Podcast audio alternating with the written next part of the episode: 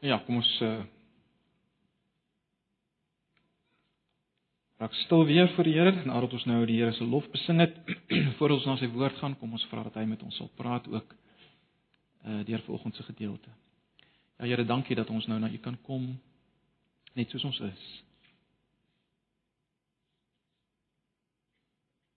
Aanvaarbaar in U. Niks in ons nie. Dankie dat ons voor U kan staan in hierdie oggend as U liggaam. Waarvan U die hoof is en ons is so afhanklik van U in hierdie oggend om ons met ons te praat, om ons te vorm in ons gedagtes, om ons opgewonde te maak oor U. Sonder U kan ons niks doen, Here. Ons pleit U daarvoor. Here, ons wil in hierdie oggend bid vir elkeen in ons midde wat hartseer is deur 'n tyd van swaar kry en lyding gaan. Mense wat siek is, ons dink vanoggend spesifiek ook aan aan Irina Opperman wat gevra het ons moet vir haar bid. Al die ander. Ag Here, U ken elkeen. U weet van elkeen se innerlike worstelinge waarvan ons nie weet nie. Ja Here, ons moet vanoggend erken en bely ons is stikkend en gebroken en ons het U nodig as ons geneesheer elke dag. En wil U ook nou in hierdie oomblikke in hierdie oggend vir ons vertroos en versterk, bemoedig en uitdaag. Deur die woord en uiteindelik ook deur die tekens wat ons gaan gebruik. Asseblief. Ons vra dit in Jesus se naam. Amen. En ja, broers en susters, ons het begin met ons uh, studie van die boek Romeine. Lyk my van die selfgroepe het al begin. Maar ek dink die meeste begin sal hierdie week begin. Ons het verlede Sondag uh, in Leiden gekyk na die boek uh, Romeine. Vanoggend uh, wil ek hê ons moet net kyk na die eerste 7 verse. Kom ek lees maar die 83 vertaling. Ek sal wel hier en daar 'n vertalingsopmerking maak. Vers 1 van Paulus, 'n dienaar van Christus Jesus, geroep om apostel te wees, afgesonder vir die evangelie van God. Hierdie evangelie het hy vooruit deur sy profete in die heilige skrifte aangekondig. En dit handel oor sy seun. As mense sy uit die geslag van Dawid gebore. Op grond van sy opstanding uit die dood is hy deur die Heilige Gees aangewys as die seun van God wat met mag bekleed is, Jesus Christus ons Here. Deur hom het ek die genade ontvang om apostel te wees onder al die heidene nasies om tot eer van sy naam mense tot geloof en so tot gehoorsaamheid te bring. Julle is hierby ingegreep uh, inge, inbegrepe, ook julle is geroep om aan Jesus Christus te behoort. Aan almal in Rome vir wie God liefhet en wat hy geroep het om aan hom te behoort. Genade en vrede vir julle van God ons Vader en die Here Jesus Christus. Goed, ons lees nou die eerste 7 vers volgens. Nou soos ek genoem het, ek het verlede Sondag begin in Leiden praat oor die boek Romeine en ek het vir julle gesê dat dit 'n unieke en magnifieke boek is wat jou kan transformeer. Elkeen van wat van ons wat hier sit. Maar nou kan ons volgens wees soos mense wat weet van die moontlikhede op Mars. Kyk, ehm uh, van tyd tot tyd loods wetenskaplikes hierdie ondersoekende togte na die ruimte om uh meer uit te vind oor hierdie fascinerende planeet Mars. Kyk, alhoewel hy ons eintlik ons naaste plan naaste buurman is, is hy nog steeds uh 100 miljoen kilometer ver. En julle sal weet, ag, ons weet dit van ons kinderdae af, uh mense verbeel hulle al vir eeue lank uh hoe is dit op Mars? En en is daar dalk lewe? Uh is daar dalk intelligente lewe op Mars? Daar's verseker so baie nuwe dinge om te leer en te ontdek as 'n mens net daar kan kom.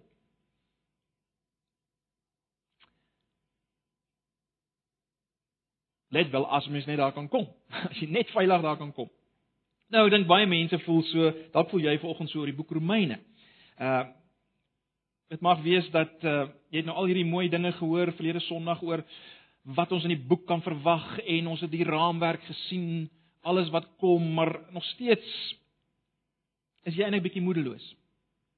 Want want dalk was jy al by hierdie punt dat jy begin het met die boek Romeine.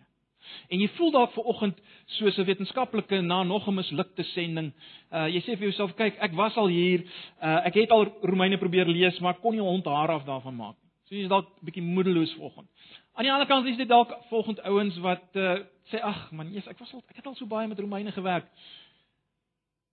Wat wat kan ek nou nog daan kry? Ek is eintlik 'n bietjie moeg al vir die boek. Uh daar's niks meer te ontdek vir my nie. Nou as jy in een van hierdie twee kategorieë volgens is, ek vertrou dat en is my gebed dat ons studie van Romeine ons werklik as ek dit so kan stel, gaan bring op die planeet dat ons nuwe dinge daar gaan ontdek. Uh wonderlike nuwe nuwe dinge, onontdekte gebiede sal kan verken. So kom ons staan nader vanoggend aan die aan die eerste 7 verse en ek vertrou dat dat dit ons sal help in die eerste 7 verse om om uh om nie moedeloos te wees. Uh of geen verwagting te hê nie. Kom ons bly vir 'n oomblik by die beeld van 'n uh, van die ruimte. Kom ons dink vir 'n oomblik aan die boek Romeine as 'n ruimtetuig. Ruimtetuig of 'n vuurpyl as jy wil. Uh wat ontwerp is om ons baie ver te vat en uh daar's allerlei dinge in hierdie vuurpyl of ruimtetuig wat ons gaan nodig hê op die pad. Daar's dinge wat ons gaan nodig hê as ons uiteindelik ons verbestemming uh gaan bereik. Nou, so ruimtetuig of vuurpyl het veral een ding nodig voor dit kan vertrek. Al een ding is ononderhandelbaar, né? En dit is 'n 'n baie soliede, goed beplande eerste klas lanseerbasis. Ruimtetuig het so eerste klas soliede, goed beplande lanseerbasis nodig. Kyk, jy kan nie net 'n 'n 'n vuurpyl of ruimtetuig laat opstyg van 'n oop stuk veld nie. Werk nie so nie, né? jy jy jy gaan eenvoudig nie suksesvol die grond verlaat nie. So, hierdie openingsverse van die brief Romeine is as te ware so versigtig beplande, doelbewus gestruktureerde lanseerbasis vir hierdie brief. En daarom moet ons 'n bietjie tyd hier spandeer sodat ons kan kom waar ons wil kom. En dis dis waarmee ons volgens gaan besig wees. Dis die moeite werd om bietjie stil te staan hier en te kyk na wat ons hier sien. Want uh, mense is natuurlik geneig as jy enigstens soos ek is om om baie vinnig te gaan oor 'n inleiding. Want jy wil by die inhoud kom. Maar Paulus wil hê ons moet reg wegtrek, anders gaan ons dalk mistas wat die inhoud betref. So kom ons kyk na hierdie eerste gedeelte. Nou soos die meeste briewe in die in die klassieke klassieke tydperk, die antieke tydperk, uh word in hierdie brief gesê van wie dit is en aan wie dit gerig is, né? Nee, dis die basiese patroon van alle briewe en ons kry dit hier. Maar soos in van Paulus se ander briewe, brei hy geweldig uit aan beide kante van hierdie uh van hierdie van hierdie brief. Hy hy voeg geweldig inligting by. As mens nou net opsommend sou vat dit wat hy sê in vers 1 en vers 7, dan sê hy in beginsel eintlik net die volgende: Paulus 'n dienskneg of as jy wil 'n slaaf, die woord doulos kan met dienskneg of slaaf vertaal word. Paulus, 'n dienskneg of 'n slaaf van Jesus en as ons nou kyk na wat hy wat hy sê in die res van die boek en ons sê van koning Jesus, so Paulus, 'n dienskneg van koning Jesus aan almal in Rome wat God liefhet, genade vir julle en vrede. Dis eintlik al wat nodig is. Uh, dis soos 'n tipiese groet sou lyk. So die vraag wat ons moet vra is, hoekom brei hy nou hierdie groet so geweldig uit? Dis is 'n Dis 'n baie eenvoudige groet. Hoekom brei hy hom so uit? Wel, die antwoord is bloot eenvoudig dit. Hy wil konsentreer op die goeie nuus wat ons vertaal met evangelie, die evangelion waarvan sprake is in vers 1. Hy wil hy wil hierop konsentreer voor hy by die res van die boek kom. Hy's absoluut opgewonde hieroor, oor die goeie nuus. Ek meen mense is tog opgewonde oor goeie nuus, nie waar nie? Dit is dit is tog net die logiese. Die woord evangelie sou julle al miskien raak gesien het, kom nie kom nie baie voor in die boek nie, maar maar dis eintlik onderliggend aan alles wat Paulus sê en dit sal julle raak sien. So Paulus kom en hy gee eintlik hier 'n beknopte uitleg van wat die evangelie is in hierdie eerste vers. Hy kom gee 'n beknopte uitleg van wat die evangelie is en hy doen dit om veral twee redes. Eerstens, omdat die evangelie eintlik definieer wie hy as Paulus is. Het julle dit gesien? Hy is afgesonder of eenkant gesit vir hierdie spesifieke werk om die evangelie te verkondig. So dis die eerste rede waarom hy nou 'n beknopte uitleg van die evangelie gaan gee, want dis sy hele lewe. Dit definieer Paulus. En in die tweede plek kan mens sê dat die evangelie skep as te ware 'n kaart van die hele wêreld uh of laat ek so sê, skep as te ware 'n kaart waarop jy die hele wêreld kan sien en uiteindelik waarop jy self inpas. Dis die evangelie.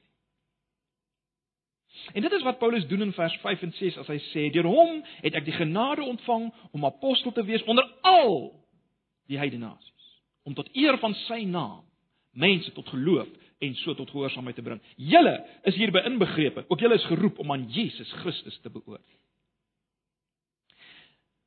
So die evangelie kaap as jy wil, kaap as te ware die hele wêreld vir Jesus, koning Jesus en dit sluit die die ouens in Rome in. Dis wat hy sê. Dit sluit julle in mense in Rome.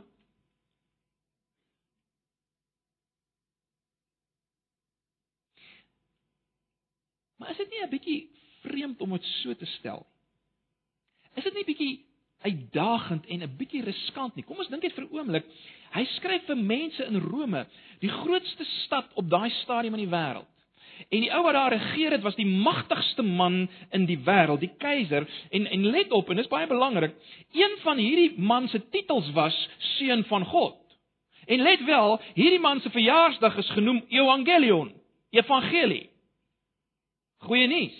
Is dit nie 'n bietjie uitdagend om vir hierdie ouens te skryf nie? Ek meen, uh hierdie man, hierdie keiser het aanspraak gemaak op die toewyding, die lojaliteit, die gehoorsaamheid van die wêreld. Gehoorsaamheid aan hierdie grootste ryk wat die wêreld nog ooit gesien het. Maar Paulus weet presies wat hy doen. Paulus weet presies wat hy doen.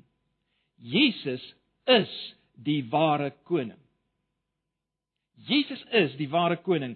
Jesus is die wêreld se regmatige Here of meester of baas as jy wil. En dit is van kardinale belang vir die Christene in Rome om dit te weet en dit is van kardinale belang vir oggend vir ons wat hier sit om dit te weet, né? Nee. En uiteindelik daarvolgens te lewe. Om die waarheid te sê, wat Paulus oor Jesus hier sê, wat hy spesifiek in vers 3 en 4 sê, Dit lyk asof dit baie spesifiek ontwerp is om die keiser 'n bietjie bleek te laat lyk, om dit so te stel in vergelyking met koning Jesus. Luister na vers 3 en 4. Dit dis die evangelie handel oor sy seun as mens of na die vlees, die letterlike vertaling, is hy die geslag van Dawid gebore op grond van sy opstanding in die dood, is hy deur die Heilige Gees aangewys as die seun van God wat met mag bekleed is, Jesus Christus ons Here. Jy sien Jesus is die ware seun van God. Jesus kom uit 'n koninklike huis, wel baie ouer as enigiets waarop Rome kan staatmaak, né? Nee, dis die hele punt. Hy kom uit die Dawidshuis, so 1000 jaar voor Rome. En dan baie belangrik, Paulus maak melding van die opstanding uit die dood. Jy sien, vir Paulus is Jesus se opstanding nie maar net 'n 'n soort van 'n weird of bizarre wonderwerk wat plaasgevind het nie. Hy gebruik spesifiek die term opstanding uit die dood. Jesus is op die grond van sy opstanding uit die dood aangewys as die seun van God met mag. Om dit te verstaan, moet mens bietjie verstaan, die Joodse denke van daai dag was het onder andere ingesluit 'n verwagting van die sogenaamde opstanding van die dood wat al in boeke soos in Daniël uh, na vore kom. Dit was 'n absolute verwagting geweest van die Jode uh, en en en hierdie opstanding van die dood sou 'n teken wees van mag. 'n Teken van mag wat al die tiranne in hierdie wêreld, al die boelies in hierdie wêreld, al die vyande in die volk uh, van die volk Israel sou verpletter. Dit was die verwagting. Al die vyande sou verpletter word. Daar sou absolute mag wees deur die opstanding uit die dood. Dis die verwagting. Dood was, as jy dit so kan stel, hierdie vyande se finale wapen. En nou kom Paulus en hy sê Jesus het dit gebreek. Jesus het hierdie finale wapen verbreek. Hy het nou alle mag. Hy het nou alle mag. Het julle opgelet hoe gelaai is daai heel laaste 'n fraas frasietjie van vers 4. Hy hy praat van Jesus Christus ons Here. Dis geweldig, is dit nie? Die naam Jesus na die vlees, die menslike naam Jesus beteken God red. Christus beteken gesalfde Messias of gesalfde koning. En Here is die naam van die Ou Testamentiese verbondsgod Jahwe in Eksodus 3. Dis wie Jesus is. En onmiddellik kan jy sien dat hy uh hy praat nie net met Rome nie, hy praat met die Jode. Hy sluit aan by die Joodse verwagting. Met ander woorde, hy skryf nie net om vir vir Nero 'n punt te wys nie. Hy hy hy hy, hy skep as te ware die diep rykdom van Israel se profeseë. Uh kyk na vers 2. Hy sê hierdie dinge waaroor hy skryf is is tevore beloof deur sy profete in die heilige geskrifte. So Paulus sluit aan by die Ou Testament. Nou as hy praat van die uh die profete, beteken dit nie hy verwys net spesifiek na die uh, profete wat ons nou ken wat boeke geskryf het in die Ou Testament nie. Vir Paulus was die hele Ou Testament profeties. So waarskynlik verwys hy na die Ou Testamentiese geskrifte in die algemeen. Uh, hulle hulle was vol profeties. Onthou daar was 'n verwagting weer eens by die Jode omtrent 'n koning wat sou kom, 'n Messias, 'n koning wat die Jode sou regeer en ag ons het nou al baie vir mekaar gesê wat hulle sal red van onderdrukking en spesifiek dan die onderdrukking van Rome. Dit was die verwagting. Hulle het so 'n koning verwag.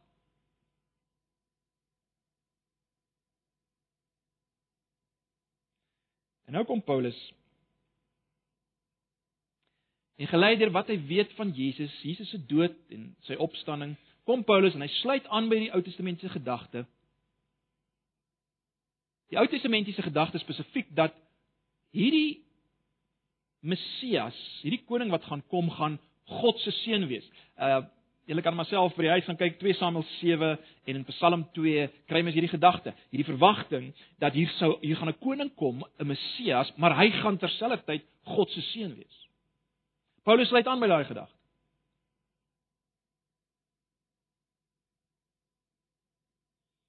En wat kom sê Paulus nou hier? Hy sê wel Jode, julle wat hierdie verwagting het, dis die goeie nuus. Hierdie koning het gekom. Hy het gekom. Dit het nou gebeur. God het dit gedoen. Die koning het gekom. Die koning het gekom. Dis wat hy sê. Koning het gekom.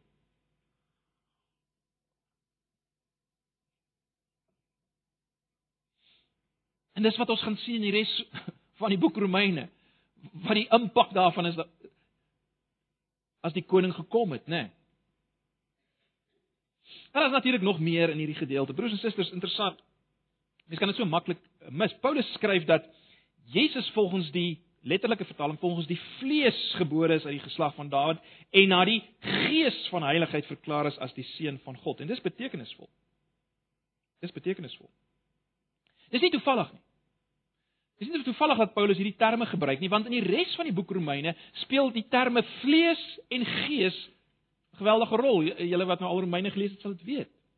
Paulus gaan wys dat Israel ten diepste leef eintlik nog volgens die vlees en nie Christene leef nog volgens die vlees, maar as gevolg van wat Jesus gedoen het, is dit nou moontlik om volgens die gees te lewe soos hierdie Jesus. So dis al klaar alles hier ingebou in die lanceerbasis, né? Nee, waarna toe ons op pad is? Waarna toe ons op pad is? Die koning het gekom. Die vlees en gees skeiding is nou 'n realiteit. Maar nou is die vraag natuurlik hoe maak hierdie koning Jesus 'n uh, aanspraak op die wêreld as sy eie? Hoe, hoe doen hy dit? Hoe hoe doen hy dit? Watter metode gebruik hy om aanspraak te maak op die wêreld as hierdie wêreld nou syne is?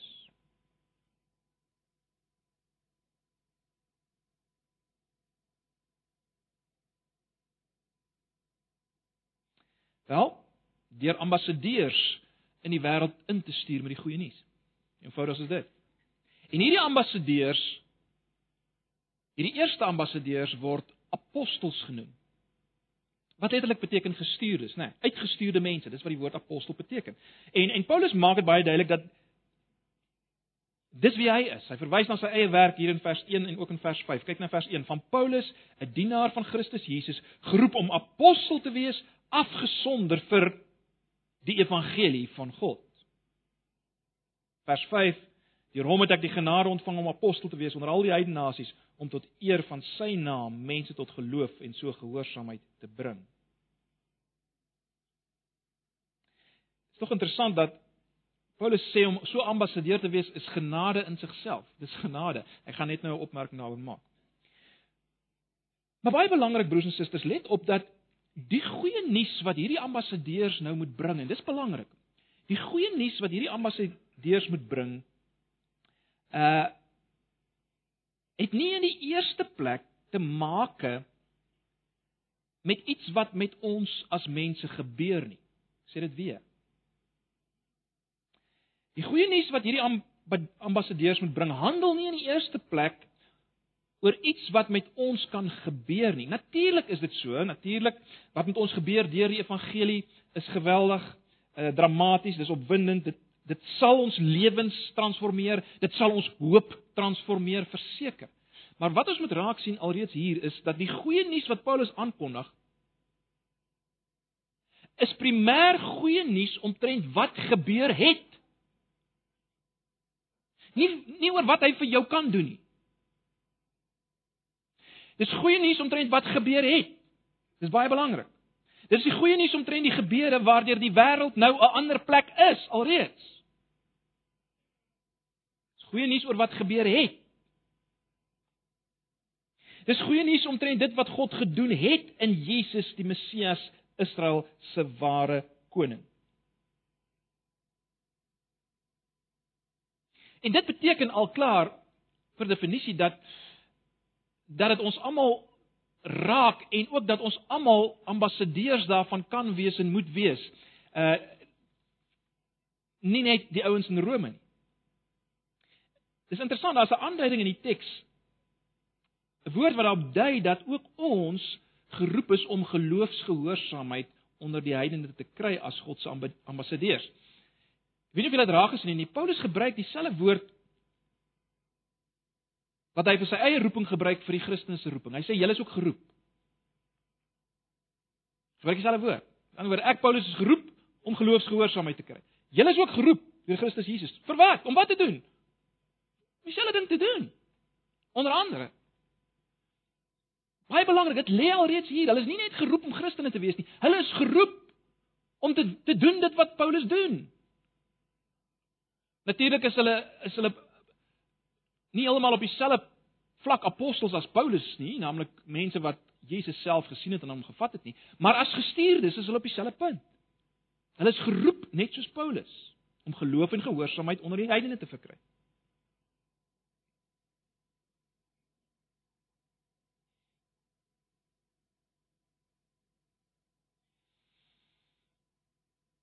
Natuurlik word ons in die eerste plek geroep en dis baie belangrik. In die eerste plek word ons opgeroep tot geloofsgehoorsaamheid. Die die 83 vertaling vertaal dit met geloof en gehoorsaamheid, vers 5.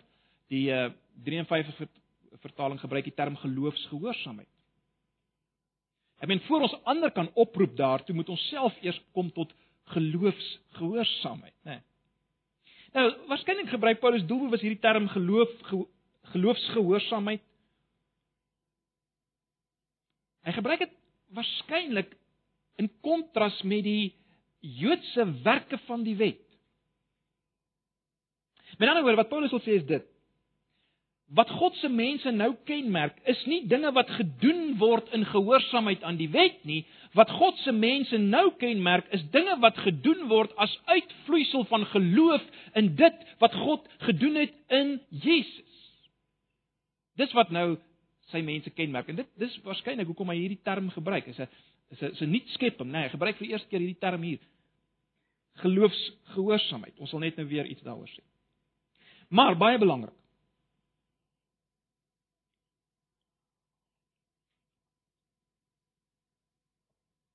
Hulle sê as te ware hierdie geloof en gehoorsaamheid of geloofsgehoorsaamheid is die reaksie op die evangelie. En broers en susters, dis uiters belangrik vir ons. Dis baie belangrik om dit raak te sien. Die evangelie is nie soos 'n 'n advertensie vir 'n produk wat ons mag koop of nie mag koop nie, afhangende van hoe ons op 'n sekere tydstip voel nie. Die evangelie is nie so nie. Die evangelie is nie soos 'n advertensie vir 'n produk wat ons mag of dalk nie mag koop afhangende van hoe ons op 'n sekere tydstip voel nie. En ongelukkig word die evangelie baie keer so aangebied. Die evangelie soos ons dit hier sien, is baie meer iets soos 'n bevel van 'n gesagsfiguur waarop jy of wat ek so stel Dis iets soos 'n bevel van 'n gesagsfiguur met die gevolg dat as jy nie daarop reageer nie, is jy eintlik kranksinnig. Dis hoe die evangelie aangebied word. Nee, ag asseblief tog. Ag kom tog na jy. Nee. Dis 'n bevel van 'n gesagsfiguur. Kom ek stel dit so. Die keiser, die die die letterlike keiser van Rome. Se boodskappers het nie in die wêreld rondgegaan en gesê, kyk, die keiser is nou baas of here of meester uh van die grootste deel van die wêreld nie. Die keiser is baas, so as jy voel jy wil 'n uh, Romeinse ryk soort van ervaring hê, wel mag jy dalk jouself aan hom wil onderwerp. Is dit soos die boodskappers van die keiser van Rome rondgegaan het? Nee.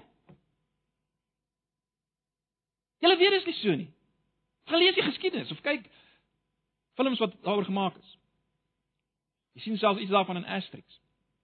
Maar goed. Dit is bevel van 'n gesagsfiguur. En broers en susters, dit is belangrik dat ons dit sal hoor. Jy sien die uitdaging van Paulus se evangelie is dat iemand baie anders as die keiser, iemand wat 'n baie anderse soort mag uitoefen, 'n baie groter mag uitoefen, is die wêreld se werklike baas of dan Here. Dit is nou die situasie. Jy sien in in, in hulle as ambassadeurs of alle ambassadeurs moet dit beveel. Naamlik geloof en gehoorsaamheid in die lig hiervan. Jy moet in die lig hiervan reageer, man. Dit dit dit dis dis wat waaroor dit hier gaan. Jy moet reageer in die lig hiervan. Kom ons kyk net na hierdie laaste vers voor ons 'n paar opsommende opmerkings gemaak waar waarvan hierdie dinge net weer gaan vaslaan. Kyk net vinnig na vers 7. In vers 7 sê Paulus dat die Romeinse Christene geliefdes van God en geroepe heiliges is. Nou dis baie interessant, is dit nie? Beide van hierdie woorde, geliefdes van God en geroepe heiliges, is die taal wat vir Israel gebruik word, né? Nee. En dis natuurlik 'n groot deel van Paulus se hele agenda in die brief, naamlik om te wys dat julle wat ook heidene is binne hierdie gemeente in Rome, julle het saam met die Christen, let wel, die Christen Jode deel aan hierdie voorregte, naamlik om geliefdes van God en geroepe heiliges te wees. Julle deel aan al die voorregte en beloftes. Julle deel aan al die voorregte en beloftes van werklik volk van God wees. Dis wat hy vir hulle sê. Die woord heiliges is natuurlik uh, uh, baie veelzeggend ook. Die Romeinse Christene soos Israel van ouds is heilig. Dit beteken hulle is eenkant gesit vir God. Dis dis ten diepste die woord heilig, nê, nee, om eenkant gesit te wees vir God. Julle in Rome, julle is vir God eenkant gesit. As gevolg van dit wat gebeur het in hierdie Jesus. Die een wat nou al 'n mag het. Heel laaste eindig die brief en hy of eindig hierdie inleiding met genade en vrede. Genade en vrede. Wat natuurlik niks anders is broers en susters as die resultate van die evangelie nie. Die evangelie gee genade, onverdiende guns aan die wat die teenoorgestelde verdien soos ek en jy. En die evangelie bring vrede, nie vrede as 'n subjektiewe gevoel in die eerste plek nie, vrede tussen ons en God. En in hoofstuk 5 begin Paulus so: Daar is nou vrede tussen ons en God. Ons sien julle waarna toe hy op pad is. Dis die dis dis dis die lanceerbasis. So, hiermee met dit wat ons nou gesê het, is die hele brief baie stewig en veilig gelanseer. En nou kan ons nou kan ons opstyg by wyse van spreuke. Nou kan ons begin om ontdek wat alles beteken uh, uh, al hierdie dinge beteken, werklik beteken in die res van die boek Romeine. Kom ek maak net 'n paar opsommende opmerkings oor 'n paar sake net om dit bietjie dieper in te slaan. Die eerste opmerking wil ek maak oor Jesus. Nou as daar nou een leerstelling is, om dit so te noem, uh wat nie vreeslik aandag kry in Romeine nie, is dit is dit oor Jesus. Uh Paulus um, aanvaar maar in 'n groot mate sekere dinge omtrent Jesus. Ons kry nie 'n uh, uh, uitgebreide leer oor Jesus soos byvoorbeeld uh, in Kolossense nie. Maar ons kry tog hier iets wat belangrik is. Wat Paulus hier wys in die eerste verse is dat Jesus as mens van sy geboorte was die seun van God en hy is steeds die seun van God. Hy was die seun van God en hy is nou die seun van God. Baie belangrik. Ons moenie dit lees asof Jesus eers met sy opstanding seun van God geword het nie. Dit sou 'n verkeerde verstaan hier wees. Nee, wat sê Paulus? Jesus was seun van God ook toe hy mens was. Hy bly seun van God, maar iets het met die opstanding gebeur. Met die opstanding het hy nou alle mag gekry. Hy's as seun van God verklaar met mag of krag. Jy sien, hy het nou die krag en die mag om om verlossing te gee van die Satan, die dood, sonde, die hel, want hy het dit oorwin deur sy opstanding. Deur sy opstanding. En daarom kan hy nou wees Jesus, God red. Daarom is hy nou Here. Werklik God van die Ou Testament. Die werklike Christus, die Messias. So dit is baie belangrik. Dis wat ons kry hier in in in in Romeine. Met ander woorde, ons ons kry nie so so uh, om dit so te stel, maar net uh die twee nature van Christus, die menslike natuur en die goddelike natuur. Ons kry as te ware baie meer hier die twee fases in sy bestaan.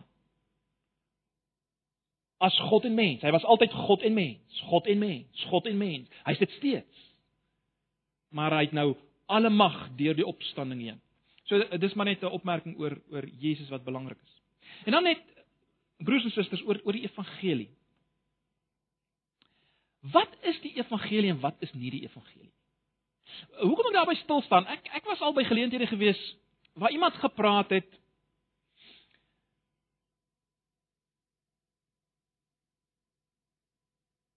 of by geleenthede waar mense gepraat het oor oor 'n sekere Christelike onderwerp. En dan na die tyd dan word hy bedank vir sy wonderlike bring van die evangelie. Nou in hierdie gedeelte moet ons iets baie duidelik raak sien. Die evangelie is nie verkondig of jy as as as kind van die Here het nie die evangelie gedeel met iemand binne jou sweer waar jy bedien nie. Die evangelie is nie gepreek nie. Jy het nie die evangelie gedeel as jy gepraat het oor sonde en hoe erg dit is, dan jy nie die evangelie gebring. Jy het nie die evangelie gebring as jy gepraat het oor bekering nie. Jy het nie die evangelie gebring. Jy het nie die evangelie gebring as jy gepraat het oor die eindtyd of oor die Christelike huwelik of oor Christen leierskap nie. Jy het nie die evangelie gebring nie. Jy het nie die evangelie gebring as jy gesê het hoe jy moet leef as 'n Christen nie. Of hoe jy jou kruis moet opneem en Jesus moet volg nie. Jy het nie die evangelie gebring nie. Let wel, ek sê nie dis nie belangrike dinge om oor te praat nie. Jy moet hoor mooi hoor wat ek sê vanoggend. Ek sê jy het nie die evangelie gebring nie. Nie die evangelie soos Paulus dit hier noem nie. Want jy sien al hierdie dinge wat ek nou genoem het is nie in sigself goeie nuus nie. Om die waarheid te sê, as jy iemand is soos ek, so sleg is soos ek, dan is dit vir jou angswekkende nuus al hierdie goeters. Want jy besef net al meer jy gaan dit nie maak nie. Jy maak dit nie. So dis baie belangrik broers en susters. Dis nie die evangelie nie. Die is nie die evangelie weer eens het ook nie in die eerste plek te maak met wat die Here vir jou in jou lewetjie kan doen nie. Die evangelie is nie God het jou lief en het 'n wonderlike plan vir jou lewe. Dit is nie die evangelie nie. Dit is nie die evangelie nie. Die evangelie broers en susters is is dit. God het iets vir die wêreld gedoen in Christus Jesus deur sy lewe, sy kruisdood en sy opstanding. Hy het dit gedoen. Dis afgehandel. Dis die goeie nuus. Hy het gedoen wat ons nie kan doen nie. Hy het gedoen wat die wêreld nie kan doen nie. Hy het gedoen wat niemand kan doen nie. Hy het dit gedoen en hy is nou die regmatige koning. Dit is die goeie nuus. Dis die goeie nuus. Al die ander dinge mag uitvloeisels wees en reaksies wees, verseker. Maar dit is nie die goeie nuus nie. So is baie belangrik dat ons uh, dit sal verstaan. En let wel, Paulus sê dis die evangelie van God. So ek en jy moet baie versigtig wees dat ons nie iets hier byvoeg of ietsie hier uitlaat nie. Want is nie Jakobus se evangelie of Paulus se evangelie of Piet se evangelie, dis God se evangelie. En daarom moet ons dit so bring. Dit wat hy gedoen het in Christus Jesus. Dis die goeie nuus broers en susters. Dit is die goeie nuus. Maar goed, kom ons dink vir 'n oomblik net oor die die reaksie op hierdie evangelie. Ons het gesê dis geloof gehoorsaamheid of geloof en gehoorsaamheid. Met ander woorde, dit sê vir ons ek het nie reageer. Luister mooi my woorde. Dit beteken ek het nie gereageer op hierdie evangelie as ek nou bloot verstaan waaroor dit gaan en ek kan dit vir ander mense vertel nie. Ek ek weet nou waaroor dit gaan en nou kan ek dit in die Bybelstudie vir ander mense gaan vertel. Dan jy nog nie reageer op die evangelie nie. Die enigste reaksie wat gepas is by hierdie nuus, hierdie goeie nuus, is geloofsgehoorsaamheid of geloof en gehoorsaamheid, soos die 3 uh of soos 83 geloof en gehoorsaamheid of 53 vertaling geloofsgehoorsaamheid. Wat is geloof?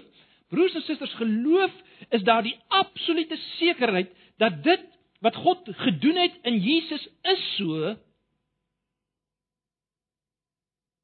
En daarom is dit ook vir my. Dis geloof. Ek kan dit vat. Ek kan myself daarop werp. Ek kan daarop reken as dis waarheid. Dis dis geloof.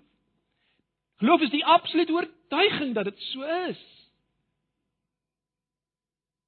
Jy sê ek hoef my nie self te oortuig dat ek glo nie. Geloof is die oortuiging.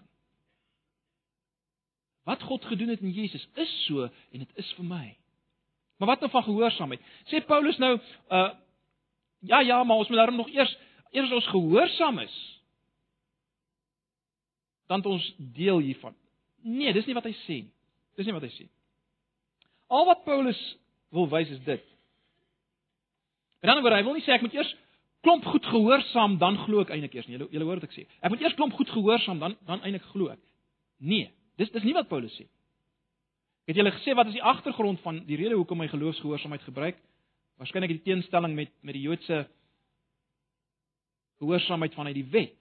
Maar baie belangrik as ons dit nader aan onsself bring. Die wat, wat Paulus eintlik wil sê is dit.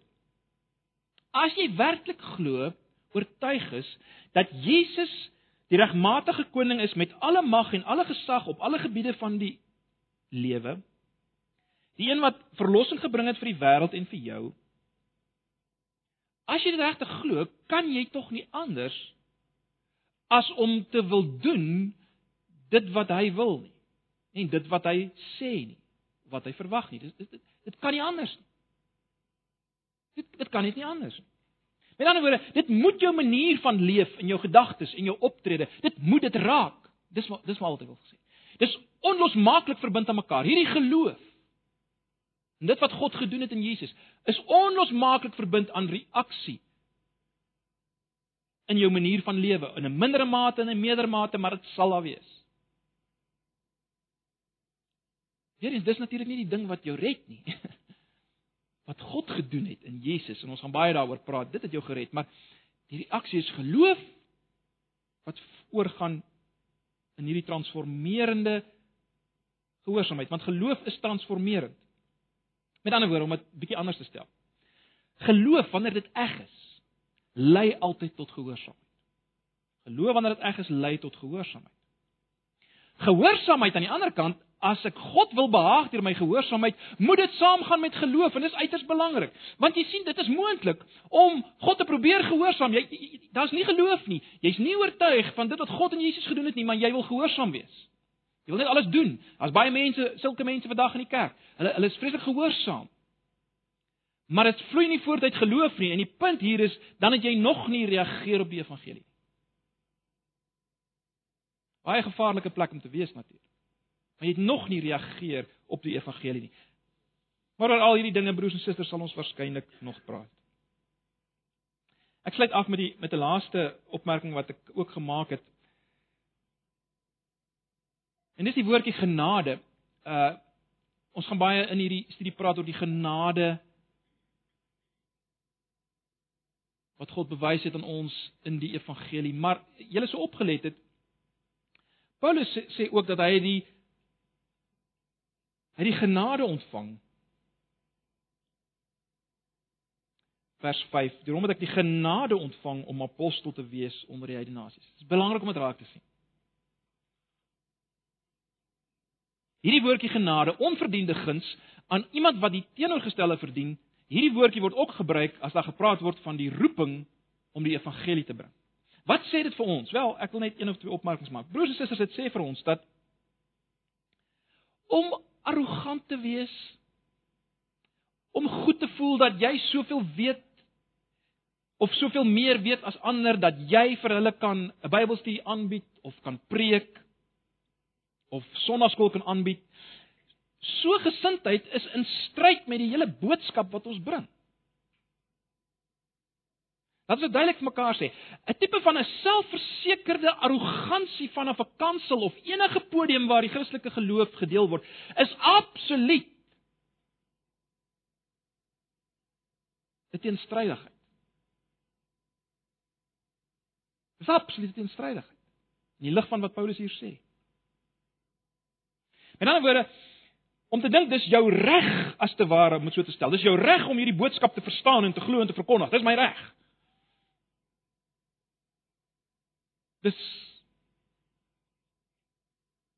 Dis nie wat dit beteken om ambassadeur te wees nie. Dis in stryd met ambassadeur wees. As jy so selfversekerd dink dis jou reg om hierdie boodskap te kan glo en te verstaan, te verkondig. Ek meen, kyk, Ek is darm bietjie slimmer as van die ander ouens en so meer.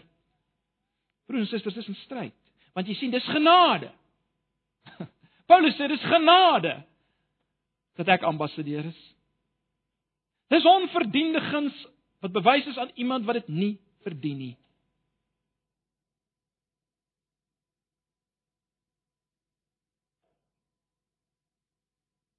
En is vir almal. Dis nie vir jou omdat jy bietjie slimmer is of bietjie beter kan praat as iemand anders. Nee, dis genade. Dis genade. So ag, ek wil julle net daarmee los. Om ons besef dit ook vir oggend. Dis 'n ontsaglike genade en voorreg om deel te wees van hierdie evangelion nog meer om om ambassadeur daarvan te wees, om te kan praat daaroor om om dit te kan aankondig. Dit is 'n geweldige genade broers en susters. Mag ons nooit op om die Here daarvoor te dank nie dat hy ons soos Paulus dit elders stel saamvoer in sy triomftog. Hy stel dit so in Korintiërs. Ons dank die Here daarvoor. Ons bid net saam voor ons saam die die nagmaal gaan gebruik as 'n teken van hierdie evangelie, van dit wat God gedoen het die beker kan ons nou drink en kan ons weet dit betekenis omdat Jesus gesterf het maar opgestaan het. En omdat hy weer kom, as die een wat alle mag het. Dis hoekom ons die beker kan gebruik nou om ons te herinner daaraan en te versterk. Dis hoekom ons die brood kan eet. So kom ons bid saam en dan gebruik ons dit saam. Ag Here baie dankie vir uh vir die evangelie. Dankie dat ons nou kon weggetrek het met hierdie boek Romeine en dat ons kan uitsien oor uh, uitsien na dit wat u vir ons wil leer, wil wys omtrent u self en u plan en u verbondsgetrouheid in dit alles en en hoe dit ons lewens raak. Ag, en hoe dit die wêreld raak. Here bewaar ons, bewaar ons van verveeldheid hieroor, oor bekendheid. Raak my nie agtigheid. Ek bid dit vir myself. Ag, en as ons nou hierdie tekens aan gebruik, Here, versterk ons, vernuwe ons. U ken ons, U ken my. U weet hoe nodig het ons dat U ons as te ware fisies ook weer aanraak en bewus maak van dat dit waaroor ons nou gepraat het so is. Dankie vir die tekens wat U gee om ons te versterk. Gebruik dit so in ons almal se lewens in hierdie oggend. Ons vra dit in Jesus se naam. Amen.